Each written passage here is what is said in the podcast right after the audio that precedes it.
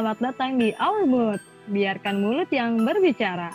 Halo teman-teman, kenalin gue Eka. Saat ini gue merupakan mahasiswa teknologi pendidikan semester 6 di Universitas Negeri Jakarta. Kali ini gue akan membahas suatu hal yang sangat penting bersama dua orang teman gue. Mungkin langsung perkenalan aja ya. Ada yang perempuan dan satu laki-laki, satu perempuan. Langsung aja kenalan. Yang laki-laki dulu nih. Halo. Kenalan dong. Halo. Oke, kenalin nama gue Pras. Sama kayak Kak, gue juga mahasiswa semester 6 dari Teknologi Pendidikan 2017. Eh, Halo semuanya. halo, halo. Lanjut, lanjut. Oke, halo semuanya. Eh, kenalin nama gue Uli Afrilia. Ya kita sama satu prodi. Prodi kita adalah prodi Teknologi Pendidikan. Eh, Cinta sekali kayaknya. Kita harus memperkenalkan prodi kita. Betapa pentingnya prodi kita itu di masa sekarang. Ya, gimana nih? Udah hampir dua bulan ya kita eh, belajar di rumah ya nggak sih? Gimana nih? Kalau aku Iya, sih puyang-puyang gimana gitu belajar online. Deadline-nya coy, gile. Beda banget sama yang tatap muka. Iya sih. Ke sih? apa ya? Kerasa banget perbedaan perbedaan jauhnya sih antara apa pendidikan jarak jauh sama pendidikan tatap muka gitu ya, ya kan? Iya, hmm, betul. Tapi Pembelajaran langsung sama pembelajaran jarak jauh. tapi Kenapa, kenapa? nggak mungkin karena emang kita udah sering kali ya kayak serba online, e-learning dan lain sebagainya. Jadi kayak nggak terlalu beda sih menurut gua. Iya Karena nggak kita sih? juga mengadaptasi blended learning ya sih dari semester 1. Iya, iya dan sih benar. Sebenarnya ada Iya enaknya juga kuliah online. Jadi kita Apa punya tuh? banyak kita punya banyak waktu untuk explore yang lain. Iya nggak sih?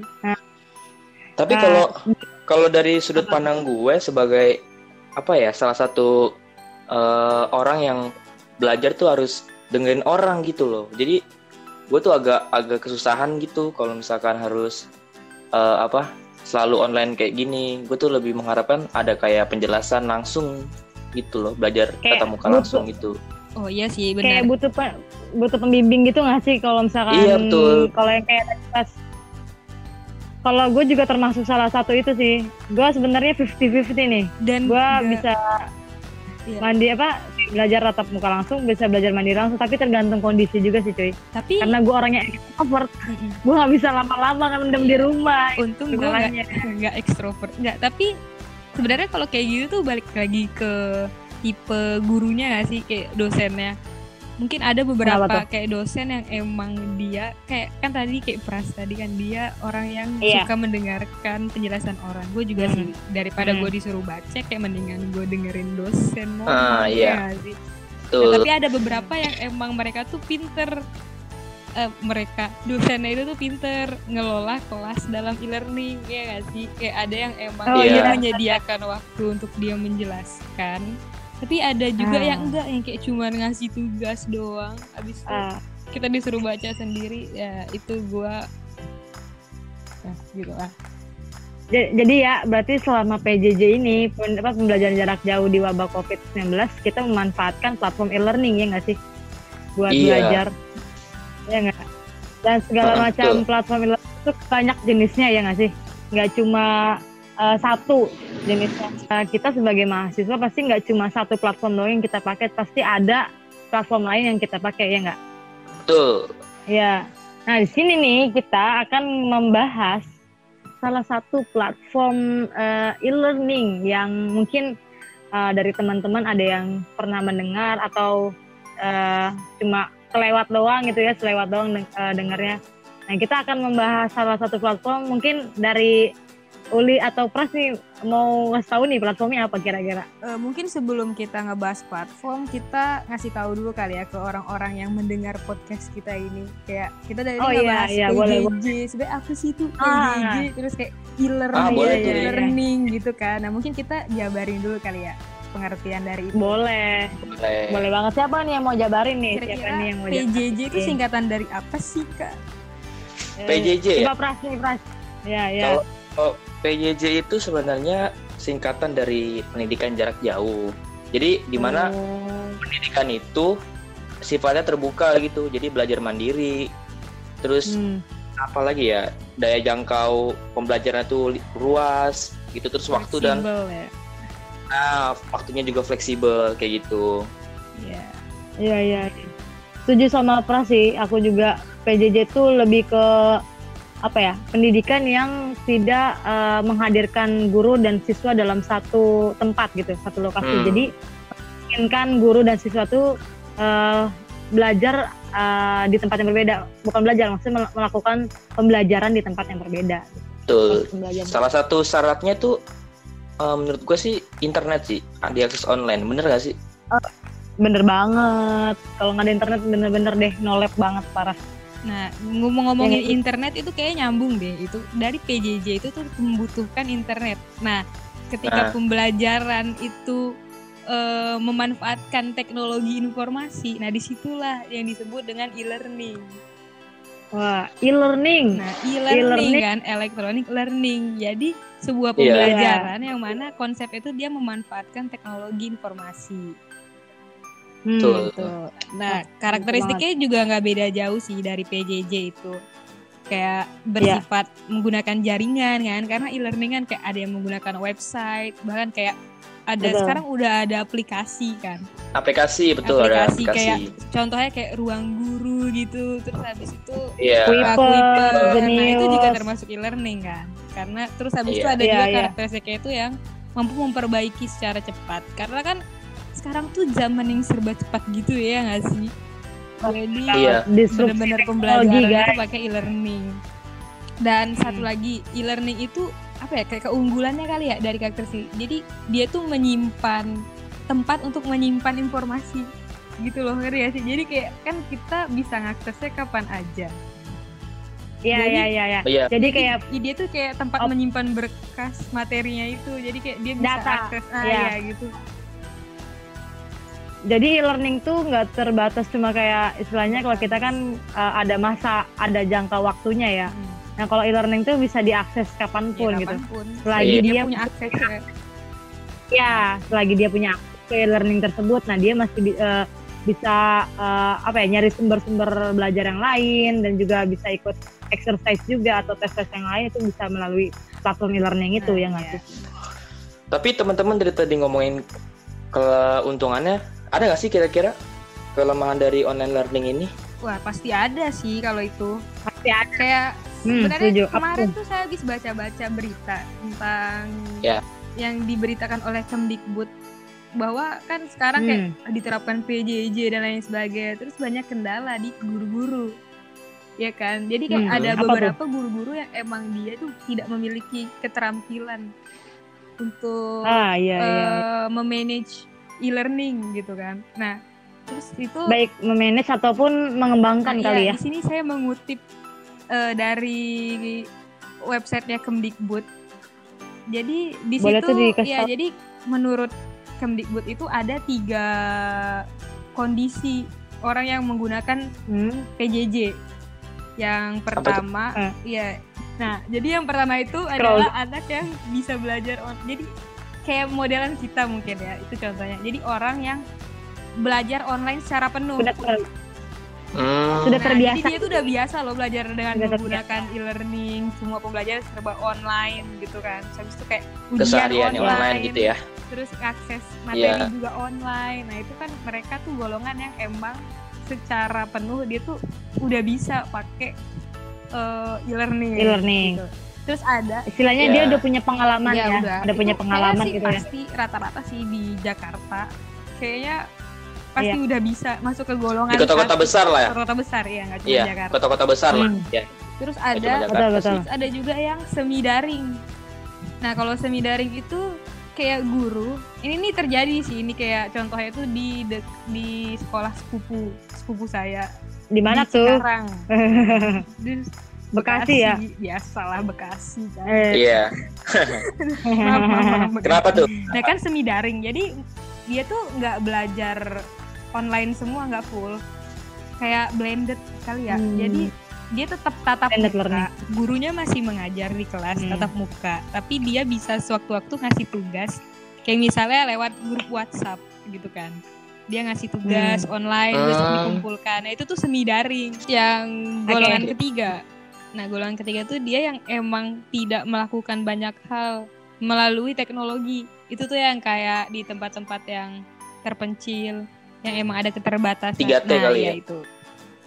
Jadi mereka emang Oh. belum ada kan masih ada beberapa tempat yang belum punya listrik gitu kan. Masih, Terus masih, masih ada internet pasti. juga masih ya belum 4G Ya. atau enggak emang nggak ada gitu. Ya. Nah ini Dan nggak nggak kejangkau. Ya, Iya, itu pasti kejangkau. itu kan balik lagi nggak sih ke gurunya.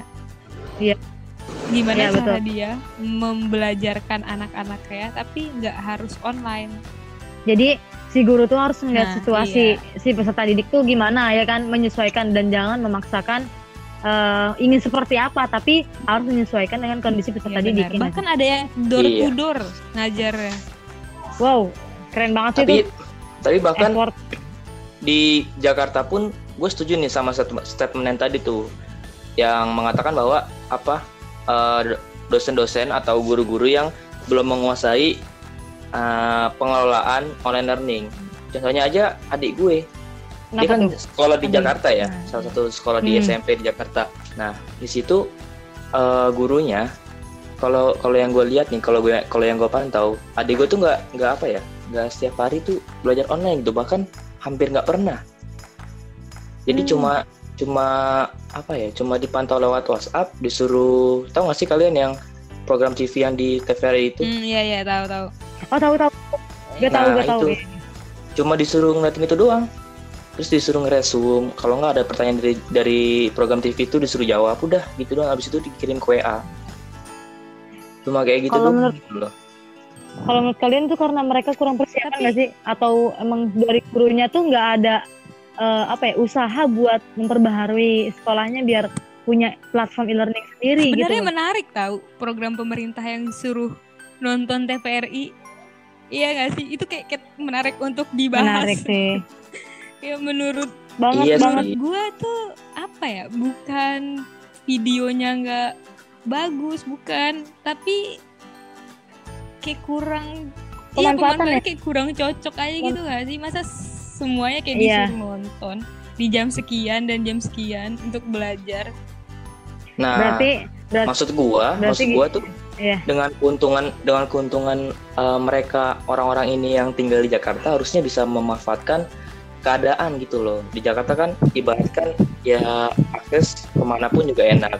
Bahkan dia Iya. tinggal tinggal di Jakarta yang apa ya istilahnya kota-kota besar yang Iya. yang dapat keuntungan di akses Hmm. di aspek akses Iya. jadi akses bisa secara mudah internet mudah gitu-gitu kan harusnya Hmm. bisa mem- memanfaatkan platform-platform online lah masa keti- masa Iya. ketinggalan sama yang di pelosok-pelosok gitu ya kan Oh iya iya. Harusnya Iya iya sih. benar Bener banget. sih. Sebenarnya itu tujuan dari ada TV itu kayak bukan ditujukan untuk orang-orang yang ada di daerah Besar berkem apa kota, Kota. yang maju ya Udah maju lah istilahnya. kayaknya. Iya. itu emang Iya, buat bener. yang mereka tuh cuma aksesnya cuma ada TV jadi mau nggak mau belajar harus pakai itu itu Nah, kayak nggak cocok sebenarnya Iya. kalau untuk orang-orang modelan kita benar-benar. iya Berarti kembali lagi berarti ya pertama tuh kalau misalkan dalam menerapkan PJJ ini si guru atau baik pemerintah maupun guru itu harus sama-sama melihat kondisi peserta Nah. didik. Bagaimana cara menerapkannya dan juga bagaimana juga kondisi si guru juga nih. Si guru ini mampu mumpuni nggak menguasai teknologi gitu kan. Tuh karena percuma juga kan kalau ada teknologi yang bagus tapi si gurunya nggak bisa memanfaatkan ya sama aja nggak bisa ditransfer ke peserta didiknya ya nggak sih? Iya. Iya Nah, tuh setuju. Nah, kita ngomongin e-learning kan ya dari tadi ya. Sebenarnya eh, dari tadi yang kita bicarakan itu kan eh, pasti ada platform-platform penunjang buat kita belajar vir- eh, maya gitu atau kelas virtual. Tapi banyak banyak wadah yang menyedi- menyediakan dalam bentuk aplikasi kan. Aplikasi eh, itu banyak jenisnya. Dan mungkin dari teman dari dari Pras ataupun Kuri mau ngasih tahu nih apa aja sih kira-kira yang kalian tahu platform e-learning yang pernah kalian gunakan atau yang pernah kalian dengar tuh kira-kira? Eh, kalau dari gua sih gua tuh pernah make kayak istilah Edmodo. Tahu nggak kalian? Oh itu tahu tapi gue nggak pernah make. Gue nggak pakai Edmodo terus apa lagi ya?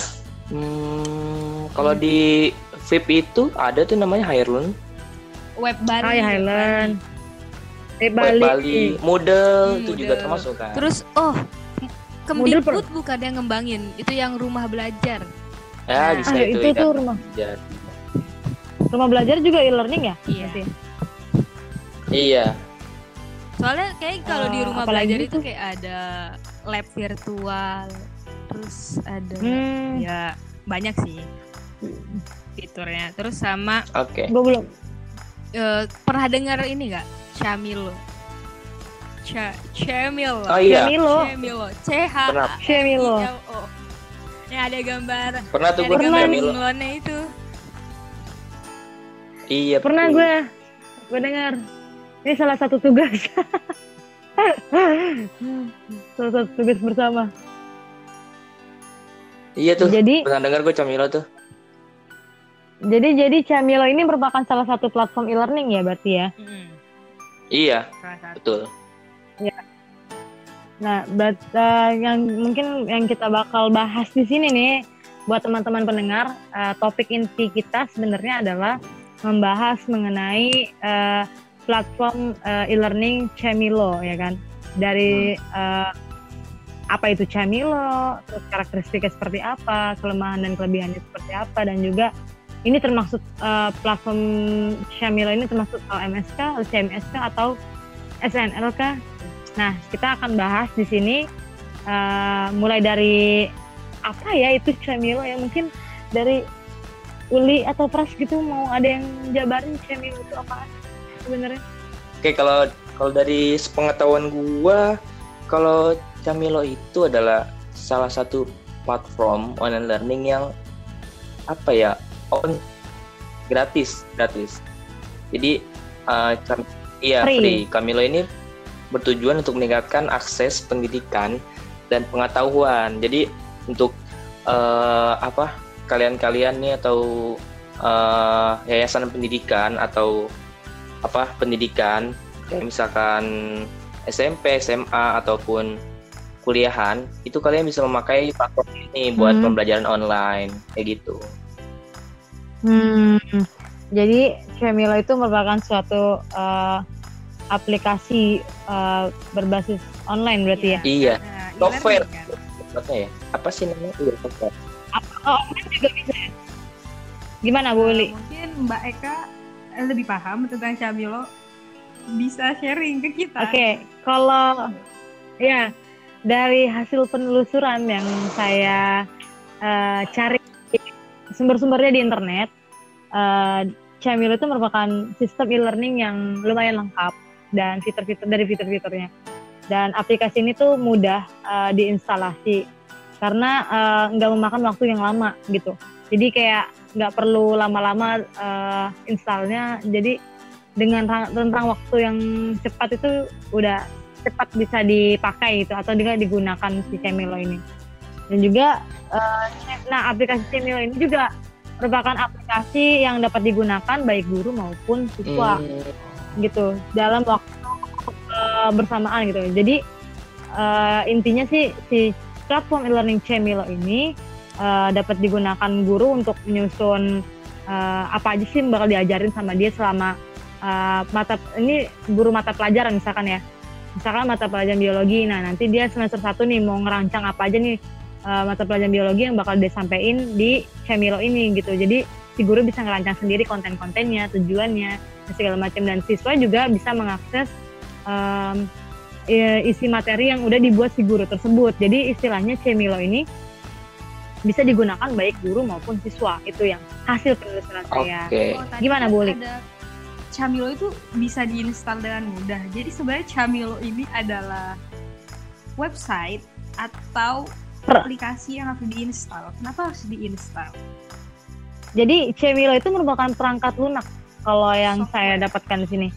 Jadi perangkat ya software. Jadi eh, di sini dia harus diinstalasi dulu, kemudian nanti em, akan dikembangkan oleh eh, developer di mungkin dari sekolah atau gurunya sendiri yang akan eh, membuat eh, si platform Camilo itu sesuai dengan nama sekolahnya atau nama instansinya gitu. Jadi itu khusus buat sekolahnya aja. Jadi nggak kayak macam-macam misalkan nih sekolah SMA ini, SMA negeri 1, SMA negeri 2 enggak. Jadi itu khusus buat sekolah itu gitu. Camilonya. Gue pengen pengen Eh, pengen ini aja. Kalau dari gue sih, kalau Camilo itu mungkin kayak apa ya? Kayak software aplikasi yang yang menghasilkan website, betul nggak sih? Software Jadi aplikasi jadi yang jadi harus website. diinstalasi dulu, harus diketik pem- pemrogramannya. Nah nanti hasilnya akan berbentuk website kayak gitu sih. Iya nggak? Oh, oh, iya iya iya iya benar benar benar iya iya iya. Karena kalau nggak diinstalasi dulu nggak bakal muncul gitu kan. Misalnya kayak mungkin akan Iya, di coding betul. gitu kan. Nanti bakal muncul di Iya. website-nya. perlu Iya, iya, coding iya, iya. ya untuk mengembangkan Oke. e-learning ini. Iya perlu. Perlu banget. Apalagi PHP PHP itu. Nah iya. By the way, Jadi jadi jadi tadi Apa tuh? katanya fitur-fiturnya lengkap. Nah, maksudnya fitur-fitur yang ada di ya Camilo itu fitur seperti apa? Kenapa Camilo itu dianggap sangat-sangat cocok gitu untuk pembelajaran? Oke, mungkin aku ya aku bakal jelasin eh, berapa karena udah sempat masuk ke website website camilo.teknologipendidikan.id. Hmm, gue akan sedikit jelasin apa aja sih sebenarnya fitur-fitur yang ada di dalam Camilo buat teman-teman pendengar nih yang belum eh, pernah dengar atau pernah eh, eh, akses e-learningnya Camilo. Jadi gua akses di camilo.teknologipendidikan.id sebagai teacher atau pengajar. Nah di sini gue sebagai guru ini bisa bikin satu course atau satu eh, pembelajaran gitu kan satu mata kuliah lah kita bilang. Nah di sini gue pernah coba bikin mata kuliah manajemen sistem informasi kan. Dan pas di dalam masuk ke dashboardnya Camilo itu ada beberapa fitur. Ada profile, ada kemudian ada mata kuliah, ada skills. Jadi selain si guru ini membuat eh, rancangan eh, pembelajaran buat satu mata pelajaran, nah dia juga bisa buat em, bikin eh, apa namanya kayak semacam CV sih ya, bukan CV sih. Eh, kayak dia tuh bisa nyar- nyantumin skills dia. Jadi my skills, my certificates itu kayak lisensinya tuh bisa dimasukin di eh, Oh, di dalam ya ini. si pengajar. Iya betul. Iya betul, lengkap banget. Dan dia juga kayak uh, ada juga personal datanya, terus ada buat ngirim pesan juga. Ini ada juga bisa bisa ngirim pesan di sesama Cemilo. Kemudian uh, le- uh, mungkin ya di Cemilo ini kan Cemilo ini kan uh, slogannya e-learning and collaboration software ya kan. Jadi uh, nggak cuma satu guru doang yang bisa ngakses Cemilo, tapi sat, uh, guru di sat, uh, satu sekolah itu bisa buat uh, satu course di Camilo ini gitu. Misalkan si guru si A itu bisa bikin, si guru B itu bisa bikin. Jadi sama-sama kolaborasi buatnya dalam satu platform ya, gitu. Kemudian em, karena aku bikin eh, satu mata kuliah nih, itu kalau misalnya mau bikin mata kuliah atau satu course itu nanti klik di buat situs mata kuliah di Cemilonya sendiri. Kenapa diklik itu? Karena kalau misalkan kalian mau bikin mata kuliah ya salah satunya adalah ngeklik itu gitu. Kalau misalkan ngeklik yang lain nggak bakal bisa bikin satu mata kuliah. Nah, habis itu eh di sini ada beberapa tahapan sih. Sebenarnya kalau misalkan kalian dari teman-teman dari eh, yang dengar maupun dari Uli sama Pras, kalau misalkan ngelihat eh, sebuah platform e-learning pasti selalu ada kayak eh, tersistematis gitu loh, kayak ada urutan tahap-tahapnya. Ah, Kita bakal diliatin deskripsi mata kuliahnya, terus bakal ada tujuan pembelajarannya apa, eh, si peserta peserta eh, didik bakal dapat apa dia selama satu semester, terus evaluasi. em, Iya. Iya, pokoknya jadi nanti si di dalam platform Icamilo ini sebenarnya sama seperti platform yang lain. Tadi terdiri dari tujuan, terus kayak eh, tahap bukan tahapan sih kayak topik-topik eh, topik-topik subtopik apa aja yang bakal didapetin sama si eh, peserta didik. terus bakal ada tes-tes formatif juga ada kuis dan segala macam diskusi itu ada di Cemilo gitu sih dari Kalau dari kalau dari gue sih sebagai user ya, kan gue juga udah udah apa buka nih pengalaman pengalaman pertama gue ngebuka Cemilo ini, gue login sebagai student ya, student. Nah, gue login, iya. Nah gue Gimana kebetulan gue ngedaftar di ini lu kak di Course. apa di mata Course. kuliah lu, iya di course lu yang manajemen sistem Iya. informasi. Nah, terus terus terus gue itu Hmm. first impression gue pada web ini apa ya eh sebenarnya web ini simple kalau misalkan buat kalangan orang Hmm. yang belum pernah memakai web learning atau eh, e-learning kayak gini menurut gue ini worth it banget karena memang apa ya tampilannya itu memang mudah buat orang-orang yang belum terlalu apa ya masih awam lah tentang e-learning. Ini memudahkan banget. Jadi Iya. kalian tinggal daftar aja terus habis itu tinggal ngikutin eh, apa yang ada di situ. Jadi ntar kalian juga udah tahu sendiri. Jadi gue ngikutin manajemennya eh apa e-learningnya Eka yang manajemen sistem informasi. Dan di situ gue lihat iya. banyak banget fitur-fitur yang keren sih menurut gua. Mulai dari course description-nya agendanya bisa naruh dokumen terus bisa chat juga sama teman-teman gila sih ini keren banget sih kalau menurut kalau Hmm. buat salah satu platform learning Ya, jadi kayak sama-sama memudahkan gitu ya, baik buat si pes- eh, peserta didik maupun iya pendidiknya betul. dalam mengakses si Cemilo. iya Iya nggak sih? Jadi kalau buat teman-teman di luar sana yang uh, tertarik buat gunain apa uh, learning online learning, gue saranin sih Camilo sih uh, Iya, berguna banget sih buat kalian yang baru pemula gitu, baru mulai gitu sih. iya yang Iya. maksudnya masih awam gitu ya sama dunia Iya. per-e-learningan gitu kan. recommended ya e-learning. buat para guru-guru yang Iya. Kalau sekarang lagi mencari tempat untuk meletakkan materi-materi anak-anaknya, terus mengontrol anak-anaknya ah, gitu kan. iya banget. hasil kerja dan Hmm. yang intinya untuk mengontrol peserta didik itu cocok ya pakai Camilo. Cocok kalau menurut gue cocok. Apalagi buat sekarang kan PJJ PJJ saat ini, menurut gue sih ini ya worth it banget lah, recommended. Nah, sama ini sih ada fakta juga sih men- terkait si Cemilo ini. Jadi eh, si guru ini nggak perlu apa ya kayak khawatir gitu bakal eh, gimana nih dalam menguasai Cemilo ini susah sulit atau enggak gitu.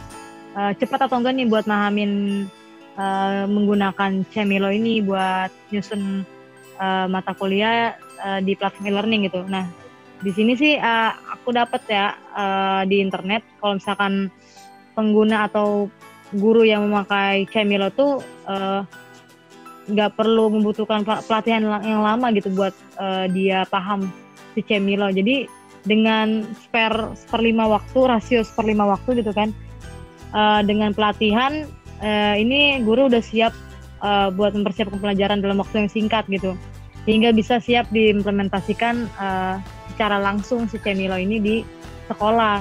Jadi kalau yang dari gua baca ini, kalau misalkan kita ngadain pelatihan Cemilo buat peserta didik, eh pela, apa pendidik itu nggak perlu memakan waktu yang lama karena ini memudahkan buat pendidik dalam menyusun konten-konten pembelajarannya di dalam eh, platform e-learning Cemilo gitu. Karena udah ada fitur-fitur lengkapnya juga sih. Iya sih, setuju sih gue. Sebenarnya Iya. guru itu nggak bakalan lama untuk mereka memahami cara penggunaan e-learningnya. Tapi yang lama itu adalah bagaimana cara dia Iya, membuat betul. materinya, Kontennya. kontennya, ya, Itu. untuk mengisi Nah. e-learning Karena- ini.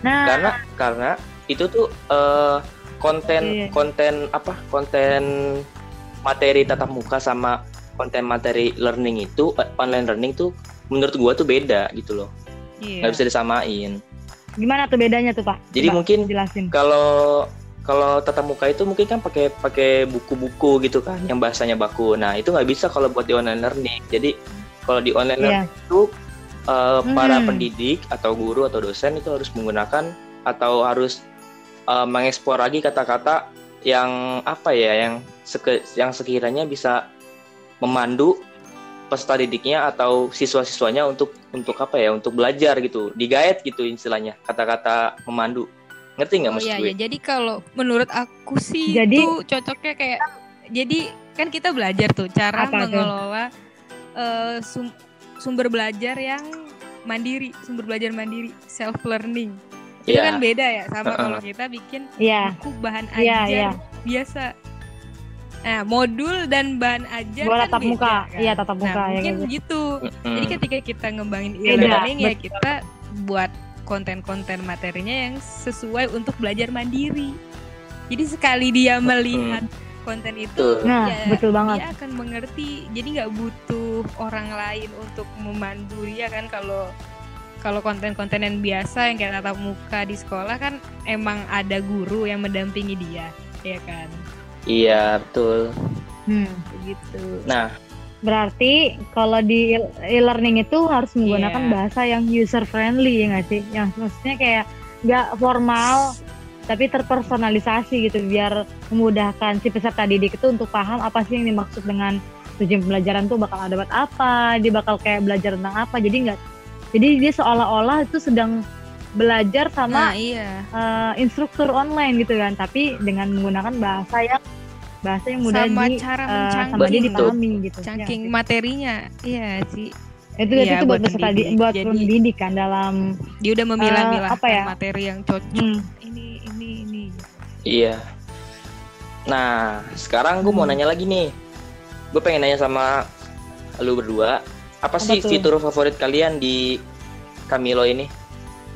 Ada nggak? hmm, sebenarnya kalau kalau dari gue ya dari Eka nih Eka. Jadi kalau misalkan di fitur di Camilo tuh yang menarik nih itu sebenarnya yang tadi yang bikin course itu itu menurut gue sebuah kayak wah gila loh gue bisa bikin Mm-mm. satu course gitu kan terus udah ada kayak udah ada kayak jadi dulu ketika bikin course di Camilo tuh lu udah ada panduan di atasnya. Bukan panduan sih lebih ke lu di atas akan ada fitur-fiturnya gitu dalam membuat eh, membuat eh, learning e-learning itu gitu di Camilo bukan e-learning sih lebih tepatnya kayak Eh, menyusun konten-kontennya gitu. Kayak yang pertama itu ada bikin deskripsi, terus kedua tujuan, deskripsinya deskripsi mata kuliah ya misalnya, terus tujuan, habis itu topik-topik, terus nanti habis itu ada lagi kayak metodologi itu maksudnya mungkin kayak eh, buat ini loh buat nanti topik satu tuh dia menggunakan caranya seperti apa. Misalkan dia ngasih bahannya bahannya PDF kah atau atau enggak dia pakai link gitu kan. Menautkan link gitu. Nanti biar nanti peserta didiknya bisa ngeklik link itu terus nanti dia baca gitu kan di tab selanjutnya. Itu sih yang asik banget fiturnya karena eh, dengan fitur itu guru tuh nggak usah pusing-pusing lagi bakal mau naruh apa setelah ini setelah ini dan setelah itu gitu. Jadi kayak udah terarah dan tersistematis gitu eh, bertahap gitu eh, fitur-fitur yang diberikan oleh Cemilo sehingga nggak membuat pusing gitu buat peserta didik. Kalau mungkin kalau misalkan buat eh, tadi kalau misalnya tadi didengar dari Pras kan sebagai student dia tadi eh, login. Jadi memudahkan eh, murid juga nggak sih jadi dia baca deskripsi dulu nih mata kuliahnya apa gitu kan terus juga dia nanti baru ikuti gitu tapi mungkin eh, ada hal lain nih mungkin dari Pras mungkin atau nggak dari Nah, Uli kalau mau dari Uli- nambahin Kalau dari Uli gimana Li? yang unik Kalau gue tuh udah melihat si Camilo ini dari awal mau login, itu kan kita udah masuk langsung ketemu banyak course-nya ya. Iya. Kan ada banyak tuh course-nya. Nah dari situ, Yap. itu sebenarnya juga udah bagus sih, terlihat bagus dan menarik. Menariknya itu kenapa ya? Kayak jadi dia tuh kayak semacam kalau di YouTube ada thumbnail, terus habis itu kayak ada Nah, itu tuh kayak memberikan oh ya ya ketertarikan untuk kita sendiri untuk ya untuk kayak Atensi ya? materi yang misalnya MSI itu karena ada tambahan gambar ya karena ada beberapa il- eh, beberapa platform yang kayak cuman ada tulisan doang kita harus ngambil course apa misalnya kita ngambil MSI itu kayak cuman tulisan MSI doang Hmm. terus kita enroll dan lain sebagainya itu menurut gue kayak kurang visual oriented nggak menarik ya visual banget ya jadi ini cocok ah dengan melihat timeline Hmm. aja gue langsung tertarik gitu kan buat gue mau ikut course ini gitu Oh Iya. cover course-nya ya Iya. jadinya ya. Terus Hmm, kalau iya. fitur-fitur Iya sih, di gua juga sih setuju. sih, Nah, itu menurut benar. Umum sih. Pasti semuanya punya. Uh-uh. Enggak semuanya sih. Semua Punya MS. punya, iya kan? Iya, iya. Nah, kalau dari kalau dari gue nih Abal ada lagi. yang bikin gue menarik sama Iya. fitur-fiturnya ada nih salah satu fitur yang mencolok menurut gue yaitu social network. Apa Wah tuh? itu bagus sih kalau menurut gue. Karena apa ya? Di situ kalian bisa Wah, bisa bikin apa ya status, bisa kalian upload upload upload foto. Jadi kalian tuh di situ eh, diberikan wadah untuk bersosialisasi dengan teman-teman kalian gitu. Menurut gue sih bagus. hmm. Jadi, Jadi kalau menurut gue sih ini salah menarik satu ya. penguatan juga sih di Camilo karena mungkin dari dari lambangnya kali ya yang bunglon itu. Hmm. Jadi dia bisa beradaptasi dengan lingkungan kayak gitu sih. Oh. Bersosialisasi sama teman-temannya. Ya, Iya betul, ya. beradaptasi. Filosofis Iya, sekali. iya, iya. keren, keren, keren. Oh, sama ini sih. Ada lagi nih yang menarik kalau menurut gue nih satu lagi. Itu Oh, ada iya, namanya iya. fitur agenda. iya. Menu, menu. Oh, iya. Menu agenda. Jadi ini jadi Reminder ini ya? buat kal- eh, buat ngasih tahu ke Iya buat reminder baik ke peserta didik maupun ke guru bahwa mereka nanti bakal ada tes ini, bakal ada pertemuan ini. Jadi dia bisa naruh di agenda ini nih, agendaku ini. Ini keren banget sih. Itu Maksudnya kayak penting banget mereka sih. bisa saling kolaborasi gitu loh. Guru eh, kan guru Iya, guru sama guru. Jadi kayak Hmm. buat kalau misalnya kita tahu ini kan Google Kalender. Calendar kan. Iya. Google Calendar kan udah terpaut ke email kan. Itu udah buat reminder kalau lu nanti tanggal segini bakal jam segini bakal ada ada kegiatan apa. Nah, sama kayak mungkin Camilo juga gini. Jadi kalian bisa kayak nentuin tanggal berapa kalian bakal ada ujian, eh, UAS, UTS Jadi gitu. udah benar-benar terstruktur banget ya. Kayak ibarat itu tuh kita anggap Camilo itu adalah sekolah. Nah di dalam sekolah itu udah punya sistemnya masing-masing, tanggal, Ya. kalender akademi dan lain sebagainya. Terus setiap akun-akun itu adalah peserta didiknya dengan Hmm. dia bebas berekspresi dengan statusnya atau memasang foto dan lain sebagainya. Terus mereka masuk kelas, masuk kelas itu ya course-nya gitu kan. Jadi kayak sebuah kelas virtual yang ya bagus sih. Iya. Iya, bahkan bahkan di course-nya itu kalian juga bisa ini ya loh, video conference gitu. Oh, Keren sih kalau menurut gue. Iya, coba deh kalian Wah, cek. seriusan? Ada Wah, nama di bagian kalau Di bagian kalian sudah mengikuti salah satu course, kalian itu bakal bisa nemuin banyak fitur tuh di situ. Ada chat, ada apa lagi? Ada video conference yang tadi gue bilang, ada open meetings. bisa open Keren-keren meeting sih. juga ya. Iya, keren. Jadi udah ibaratkan satu Keren kesatuan lah. Udah udah plak gitu loh. Enak.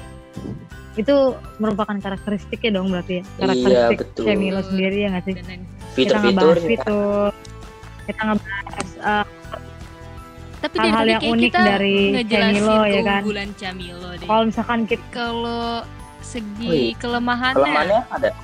kalau dari gua ya, gua kurang Apa suka tuh? Sama Iya. ini ini sih user interface-nya. Menurut gua apa ya simbol-simbol yang dipakai sama Camilo tuh kayak masih jadul. Iya gak sih? Oh, kayak iya. kalau misalnya kita ke agenda ke Oh. apa gitu kan kotak-kotaknya Hmm. tombolnya tuh kayak masih website-website zaman dulu Hmm. gitu iya gak sih Iya, betul. ya mungkin Masih lapas. iya tampilannya kayak tampilannya tuh kayak mm, nggak ada yang maksudnya kayak berwarna gitu kan. Ini Iya, kayak terus kayak polos gitu kan putih aja sih. gitu kan nggak ada Iya, kayak hal yang menarik ya. Gambar buku yang ini nih. Iya Simbol iya, kayak dari simbol itunya terus oke vektornya gitu maksudnya. seakan-akan mau ngekliknya tuh juga kayak masih kurang gimana? Ya. Hmm, oke. hmm, mungkin apa ya ini kayak perkembangan zaman gitu nggak sih? Harusnya kayak Cemilo tuh mengupdate gitu loh mengupgrade sorry mengupgrade em, tampilannya dari user interface-nya mungkin eh, jadi dari segi pengalaman Ya, penggunaan si peserta didik nih karena kan pasti berubah kan zaman kan. Jadi nggak yang mungkin ya karena kita milenial zaman sekarang kan pasti banyak banget kayak eh, kebutuhannya eh, maksudnya kayak dari segi visual maupun kayak ada yang sesuai dengan gaya belajarnya auditori, visual, terus dan hal lainnya. Harusnya kayak mungkin Camilo bisa mengupgrade lagi gitu softwarenya bisa buat menyesuaikan dengan gaya belajar Bisa. tadi dikit. untuk developernya kali ya. Kalau mungkin developernya bisa menggunakan try, trend desain 2020 yang saat ini kan UI-nya itu Ah, ya itu menggunakan banget. liquid 3D asik Nah itu lebih lebih ngebuat salah satu Asik. apa? Yang eh, platformnya lebih menarik ya kan kalau misalkan Nah. pakai itu. apalagi yang realis-realis segitu Mm-mm.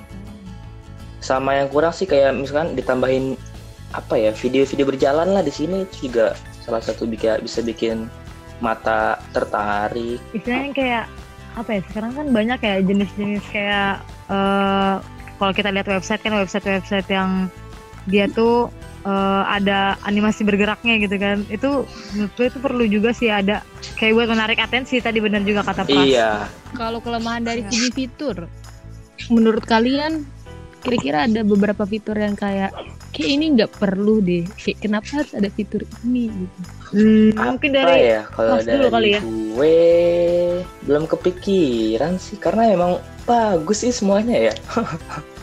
saking bagusnya sampai kita sulit gitu mencari kelemahan Syamilo iya, makanya gue juga bingung apa yang perlu di kita hilangkan dari Cemilo ini. kayak si Bunglon ini emang melambangkan Syamilo banget. Dia bisa bersembunyi. Banget banget banget. Waduh, Apa ya? apa ya kalau menurut eh kak sih eh, di sini tuh kayak oh, dia juga sama sih kayak platform online learning yang lain jadi kalau misalkan ada yang online itu Hmm. kelihatan siapa yang online terus kalau misalkan sama kan kayak fitur-fitur yang lain juga kan kalau misalkan ada yang online tuh pasti kelihatan and then untuk kalau buat dari gue ini fitur-fitur kayak yang ada, lain ada kesamaan fitur sih Betul. yang harusnya bisa dijadiin satu aja. nah yang mana itu Contohnya nih, misalkan kalian kalau udah bisa apa masuk, tuh udah mengikuti salah satu course kayak gue nih yang login sebagai pelajar atau student student. Nah di sini kalian bisa ngeliat nih kalau misalkan udah masuk ke course-nya. Jadi ada beberapa fitur, ada course description, agenda, dokumen, learning pad, links, tes gitu dan lain-lain. Nah ini ada beberapa fitur yang menurut gue itu fungsinya sama, tetapi harusnya bisa dijadiin satu gitu. Kayak misalkan Dropbox sama dokumen. Itu menurut gue sih fungsinya sama deh. hmm Fungsinya sama. Iya iya iya betul betul Iya, kayak sama-sama buat Data, nampung nampung data file. ya kan nampung Betul. data nampung itu seharusnya sih ya ya bisa ya. dipangkas jadi satu aja Hmm. kayak gitu. Terus sama satu lagi nih ada nih forum sama chat. Nah itu juga bisa dijadiin satu. Tapi mungkin Wah iya forum sama chat betul. forum dan chat. Benar-benar. Lihat nggak?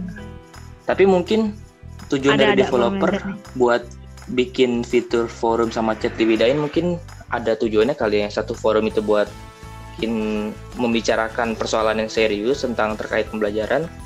Mungkin kalau yang chat buat hanya sebatas ya obrolan biasa aja mungkin. Nggak tahu juga sih.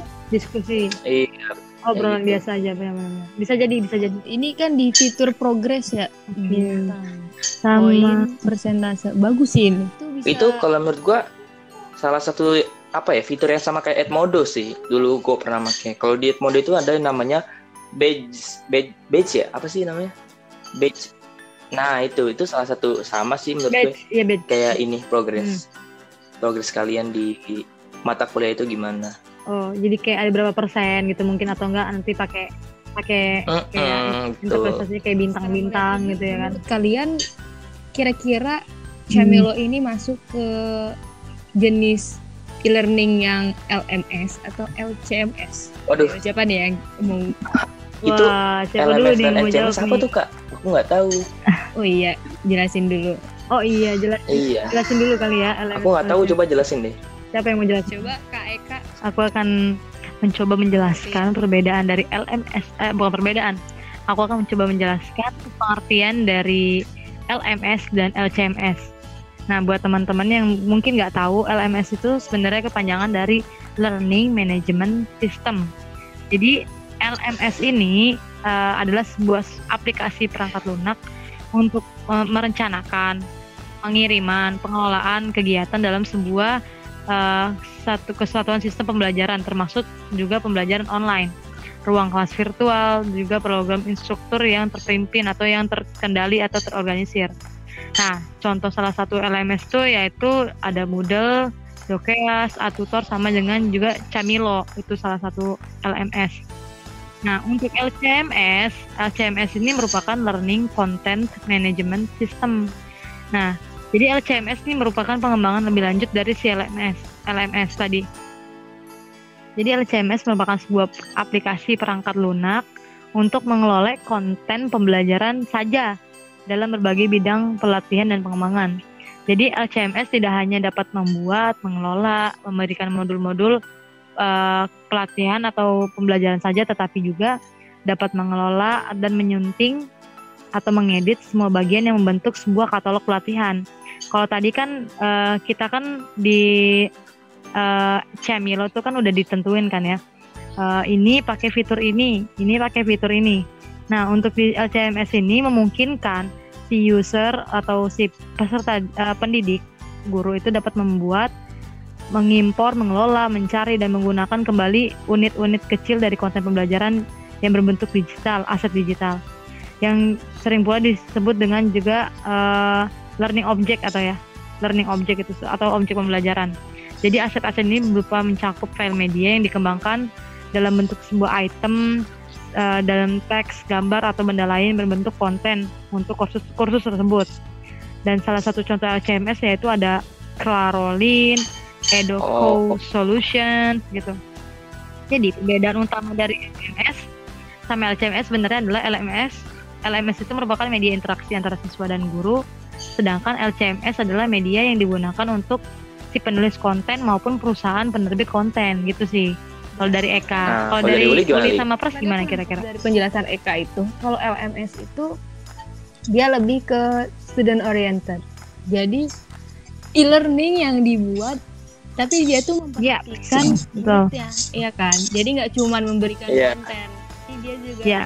berinteraksi yeah. dengan murid terus kira-kira interaksi interaksi dengan murid proses, sih ya proses pembelajaran ya. bagaimana terhadap murid progres feedback tapi kalau LCMS itu dia hmm. hanya penyedia konten kan dari namanya ya learning content management system jadi itu yang memanage konten-konten hmm. yang ada di dalam e-learning itu learning object ya tadi baik itu video dan lain sebagainya hmm.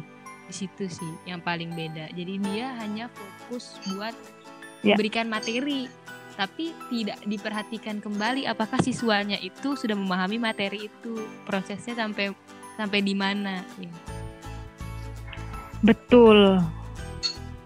Betul sekali. Itu benar benar ya, kalau dari gue juga nangkep kalau dari penjelasan Eka uh, kalau LMS itu lebih ke apa ya uh, aplikasi yang mulai dari perencanaan sampai pelaksanaannya itu dikelola dengan baik terus terstruktur terintegrasi. Sedangkan kalau yang learning content management system itu hmm, atau betul. LCMS ya shh, diam. Dede. Dede. Eh. Dengerin dulu. Eh. Dijawab. Iya. Dede.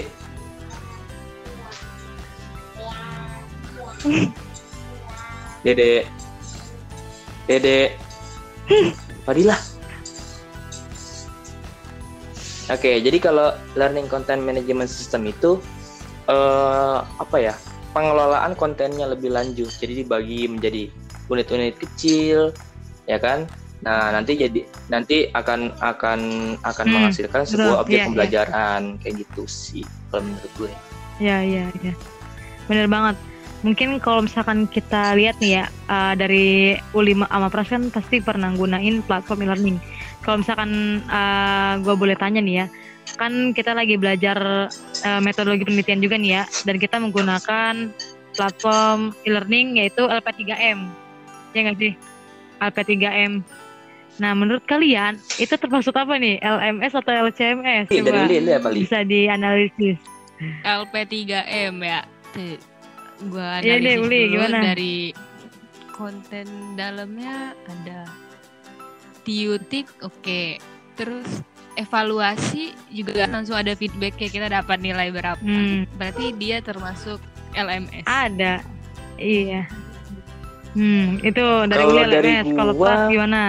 sama sih gua LMS juga karena karena mulai dari perencanaannya sampai juga. kegiatan pengelolaannya pun sampai pelaksanaannya pun juga terorganisir gitu ada di situ ada ruang kelas virtualnya juga ya kan terus eh, programnya juga terstruktur gitu terpimpin oleh Iya. satu orang yang dikendalikan oleh eh, si pembuat course-nya atau dosen atau guru tersebut kayak gitu sih Tapi nih ya, Heeh. kalau misalkan dari analisis gua nih, eh, LP3M ini juga termasuk LCMS. Kenapa? Karena eh, eh, LP3M ini nggak menitik beratkan pada interaksi antar siswa. Jadi mereka, jadi LP3M cuma buat ngasih eh, eh, kontennya aja, kayak PDF-nya, linknya, videonya gitu.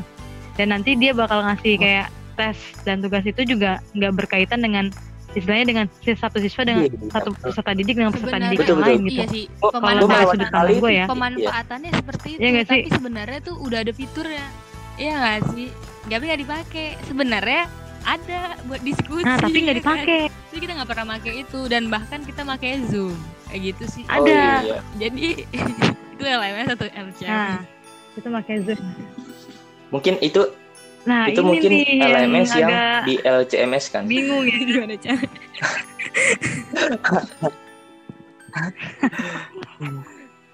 Dia adalah LMS yang pemanfaatan Bisa jadi, bisa jadi. Jadi, nah jadi. iya itu Iya. Karena kalau misalkan kita lihat di sini ya, kalau misalkan lihat di eh, LPTG, eh, jadi nih buat teman-teman yang mendengarkan, sebenarnya LP3M itu apa sih? Jadi LP3M ini merupakan platform e-learning juga, online learning, yang diinisiasi oleh eh, ini LP3M UNJ. LP3M itu Lembaga Pengembangan Pendidikan dan Penjaminan Mutu Universitas Negeri Jakarta.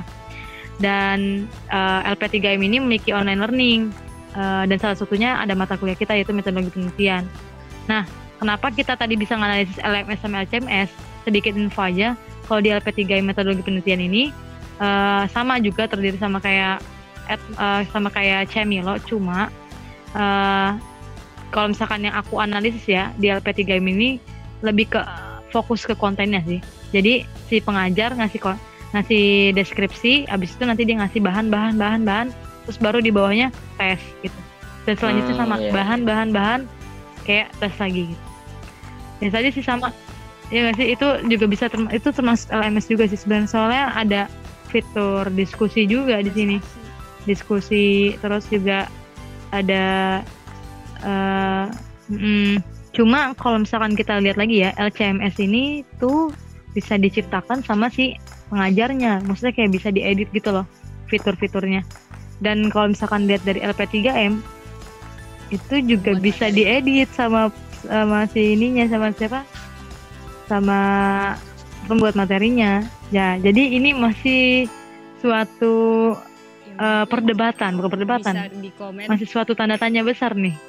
Buat LP3M yang termasuk termasuk LMS atau LP3M, iya ya oke jadi pak balik Iya, lagi nih benar. ke topik nih berarti iya Camilo itu Camilo nih termasuk salah satu LMS atau LCMS LMS ya L- itu dibuktikan LMS dibuktikan dong. dengan adanya interaksi yang kuat iya dari si pesertanya oke betul kan Iya. Terus sama ini sih yang progres juga itu bener-bener LCMS. iya banget. betul Eh LCMS, LMS banget. LMS kenapa tuh Kan di dalam salah satu karakteristik LMS dia memperhatikan progres Iya, kenapa tuh? dari siswa. Nah, jadi kayak dengan Oh, adanya bintang, poin itu kan memberikan sebuah prestasi. progres Iya, ya Sama ada sertifikat. Iya sih, my certificate di situ ada juga di profil. Oh, eh my certificate. Oh itu kalau misalkan di my certificate itu sebenarnya kayak buat Tapi legit bukan legitimasi daftar kayak sebagai student. sertifikasi guru gitu loh. Ada. Legalitas ya. Ada juga. Tadi gue kira tuh malah itu kayak menunjukkan kayak Apa mungkin gue udah kira-kira pernah itu ikut ya? lomba apa. Terus gue bisa nyantumin di situ. mungkin Bisa itu ituan gitu ya? kali ya pada salah Bisa satu jadi ngikutin tes di situ bisa mungkin jadi. nilai yang tertinggi bisa jadi kan Nah, bisa jadi, bisa jadi. Tapi sih kalau di sini tulisannya sertifikat sih. Apalagi tuh Iya. Jadi mungkin sertifikat, Sertifikat kalian yang ya? kalian pernah dapetin uh, Hmm. perlombaan itu bisa diupload di sini. Jadi bisa mungkin dibuat apa? Portofolio juga kali ya. Ya, Mm-mm. bisa juga buat portofolio peserta apa pen- peserta didiknya. Peserta didik maupun pendidiknya. Jadi, Iya, tuh Camilo yang merupakan yang LMS tahu. Teman-teman. Camilo merupakan LMS. karena eh, Camilo ini juga tadi yang pertama udah dijelasin kalau misalkan Camilo menitik beratkan pada eh, progres dari peserta didik, interaksi antara guru dan siswa ya kan. Terus juga dia sifatnya open source juga dan eh, di LMS juga si pendidik eh, atau guru atau instruktur itu nggak perlu pusing-pusing lagi gitu buat Organize. menyusun konten pembelajaran karena sudah ada fitur-fiturnya. Iya, iya. Jadi udah mudah mengorganisasi Oke. kontennya. Jadi nggak perlu bikin-bikin lagi dari awal gitu. Jadi kayak udah ada konten-konten yang maksudnya kayak istilahnya sih ada, fit- ada fitur, jadi dia tinggal ngembangin aja. Kalau LCMS kan dia yang mengembangkan fitur itu sendiri, membuat fitur itu sendiri, terus ngembangin fitur itu sendiri gitu. Oke. Yang dari pemahaman aku sih. prodi kita condong ke mana? Ah iya nih, karena prodi kita teknologi pendidikan ya. Sebenarnya prodi teknologi pendidikan tuh lebih fokusnya kepada LCMS, Learning Content Management System. Apa? Alasannya coba Pras bisa jelasin.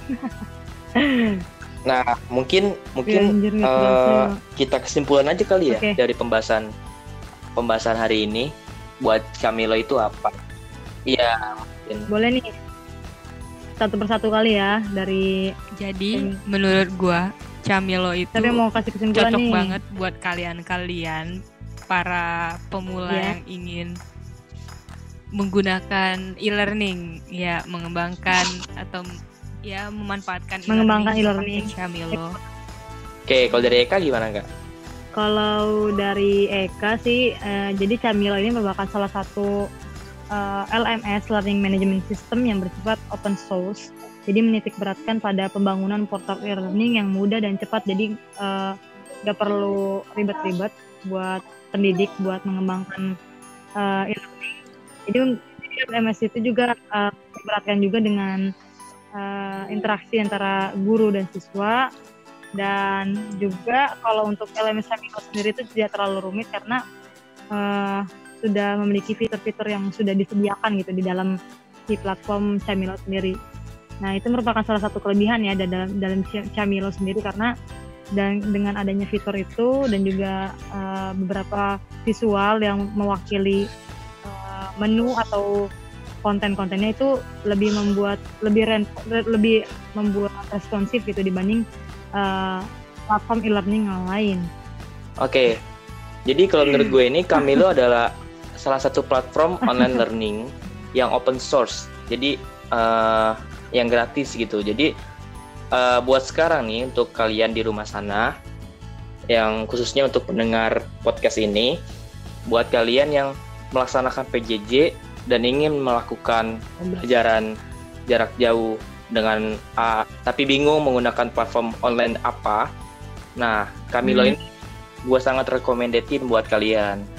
Apalagi Hmm. buat kalian yang masih pemula gitu.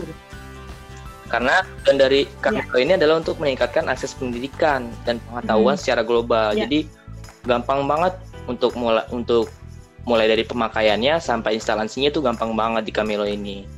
Kayak gitu sih kalau dari gue. satu lagi eh, kalau misalkan eh, kita kita tekanin lagi ya.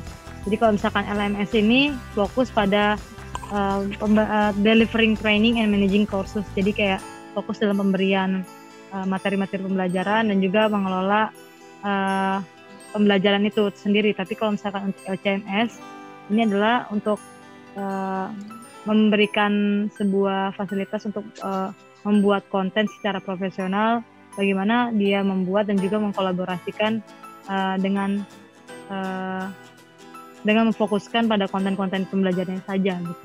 Itu Oke. yang tadi ya kita tekan lagi LMS dengan LCM. Iya. Nggak Wah, kerasa udah kita udah ngomongin Camilo udah ya. hampir Jam lebih. satu jam setengah. jam lebih. Ya Udah semoga sampai mau uh, sahur ini. pembahasan kita diskusi diskusi tadi kita bermanfaat bagi pendengar-pendengar kita di luar sana ya. Iya, betul. Betul, dan diskusi kita ini nggak berarti seluruhnya uh, benar, masih bisa buat di searching lagi, di research lagi ya kan. Mungkin ada beberapa yang kita uh, kurang uh, tepat atau atau enggak kurang akurat dalam pemberian informasinya. Nanti teman-teman pendengar Iya. Jadi juga kalian kasih, uh, pendengar, komentar para gitu pendengar ya di bisa bawah ini ya nggak sih? apa yang dapat diambil dari perbincangan kita pada malam hari ini. Eda, Oke. iya. Betul. Semoga Iya. bermanfaat. Mungkin udah gitu aja kali ya. Oke, jadi terima kasih buat para pendengar, terima kasih buat para pendengar, dan semoga uh, apa yang kami sampaikan bisa bermanfaat buat teman-teman pendengar uh, kita di sini, uh, karena kita sama-sama belajar. Dari sama-sama belajar ini kita juga sama-sama sharing dan bisa uh, mentransfer apa yang kita ketahui kepada teman-teman sekalian untuk dapat di uh, analisis lagi atau enggak dipelajari kembali nanti. Dan udah sampai di ujung pembicaraan buat dua teman saya ini kepada Prof dan Uli terima kasih telah menemani saya dalam uh, obrolan di uh, obrolan bermanfaat dan berfaedah ini gitu kan tentang pembahasan e-learning. Uh, dan jangan lupa untuk uh, tetap produktif selama di rumah aja. Dan uh, jangan sampai uh, ketika di rumah aja kita ter uh, perda- terperdaya dengan uh, malas-malasan gitu. Kita harus bisa bangkit untuk belajar dan salah satunya Jangan lupa adalah cuci belajar tangan. mandiri, self learning. Jangan lupa jaga Dari jarak. Kami, terima kasih. Jangan lupa pakai masker. Iya. Keluar. WFH dan jangan lupa ya, stay lagi at home. social distancing. Oke, Ya. dadah.